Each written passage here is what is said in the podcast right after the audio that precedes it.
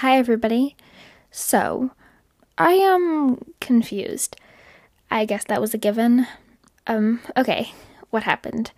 So, as you heard, I uh, spoke to my parents, and it went confusingly. Is that a word? I think so.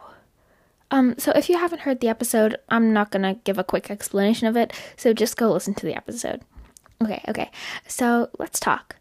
Um, I know I ended on an uncertain note, but my parents said that I couldn't record the rest of what they were going to say, even though they were lying about, well, a lot. They're still my parents, so I did what they said. I can, however, tell you about what we talked about. So, uh, here goes. Uh, this feels weird. Oh, where do I start? Okay, I'll lead with something small.